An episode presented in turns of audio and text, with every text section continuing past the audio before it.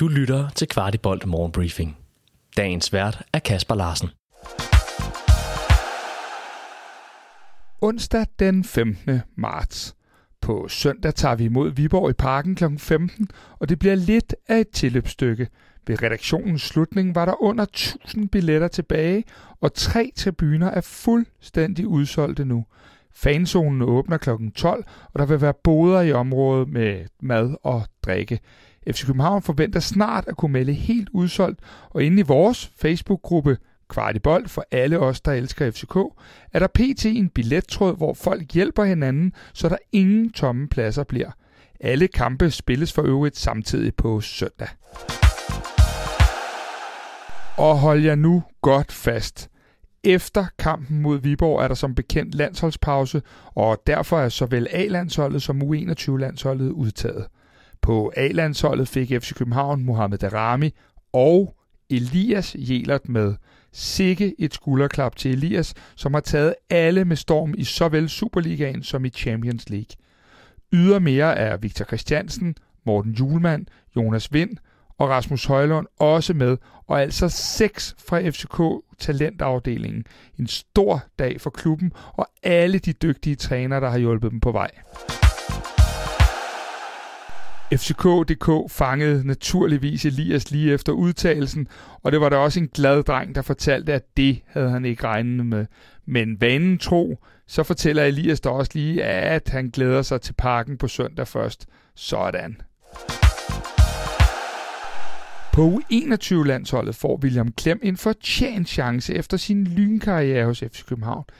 Kæmpe tillykke til alle drengene, og endnu et bevis på, at vi bevæger os den helt rigtige vej i FCK-talent.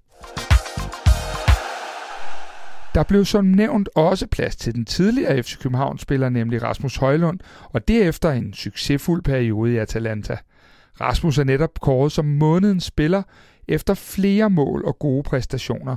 Det har nu også givet ham plads i Kasper Julmands trup, hvor han altså genforenes med sine gamle holdkammerater fra akademitiden.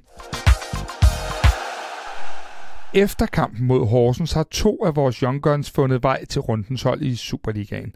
Der er tale om Havkon Arne Haraldsson og, ja, Elias Jelert. Samlet set spillede FCK ikke en prangende kamp, som du også kan høre i vores nedtak fra i søndags, hvor AB's tidligere anfører Claus Lykke gæstede vores studie. Men i sidste ende var den komfortable 1-4 sejr nok til at sende de to på rundens hold, og endnu et stort tillykke herfra. Og så til en sag, der har taget en drejning. Forleden kunne vi fortælle, at Karlsruhe ikke var i stand til at købe Mikkel Kaufmann fri af FC København, når parternes lejeaftale udløber 30. i 6. Nu er tonen imidlertid ændret. Florian Plattenburg, der er journalist på Sky Sport, skriver på sin Twitter-profil, at Karlsruhe forsøger at se på muligheden, da man er meget tilfredse med Kaufmann. Kauf har stået for 5 mål og 8 assist i denne sæson, hvilket giver FC København en fin mulighed for at bibeholde prisen, da der kan være andre interesserede. Det går ikke godt for Leicester PT, imens Victor Christiansen sidder ude med sin skade. De nærmer sig hastigt en af de tre nedrykningspladser i Premier League, og nu beretter Daily Mail om, at VK har en særlig nedrykningsklausul i sin kontrakt. Det betyder, at hans løn ikke vil forblive den samme ved en eventuel nedrykning. Der spekuleres i, at en sådan aftale er indgået med alle nyindkøb, da Leicester vil gå glip af enorme summer ved en eventuel nedrykning. Kvartibold forsøger at få verificeret den oplysning og vender tilbage, hvis der er nyt omkring. Du har lyttet til Kvartibolt Morgenbriefing. Vi er tilbage i morgen med byens bedste overblik over FC-kundigheder.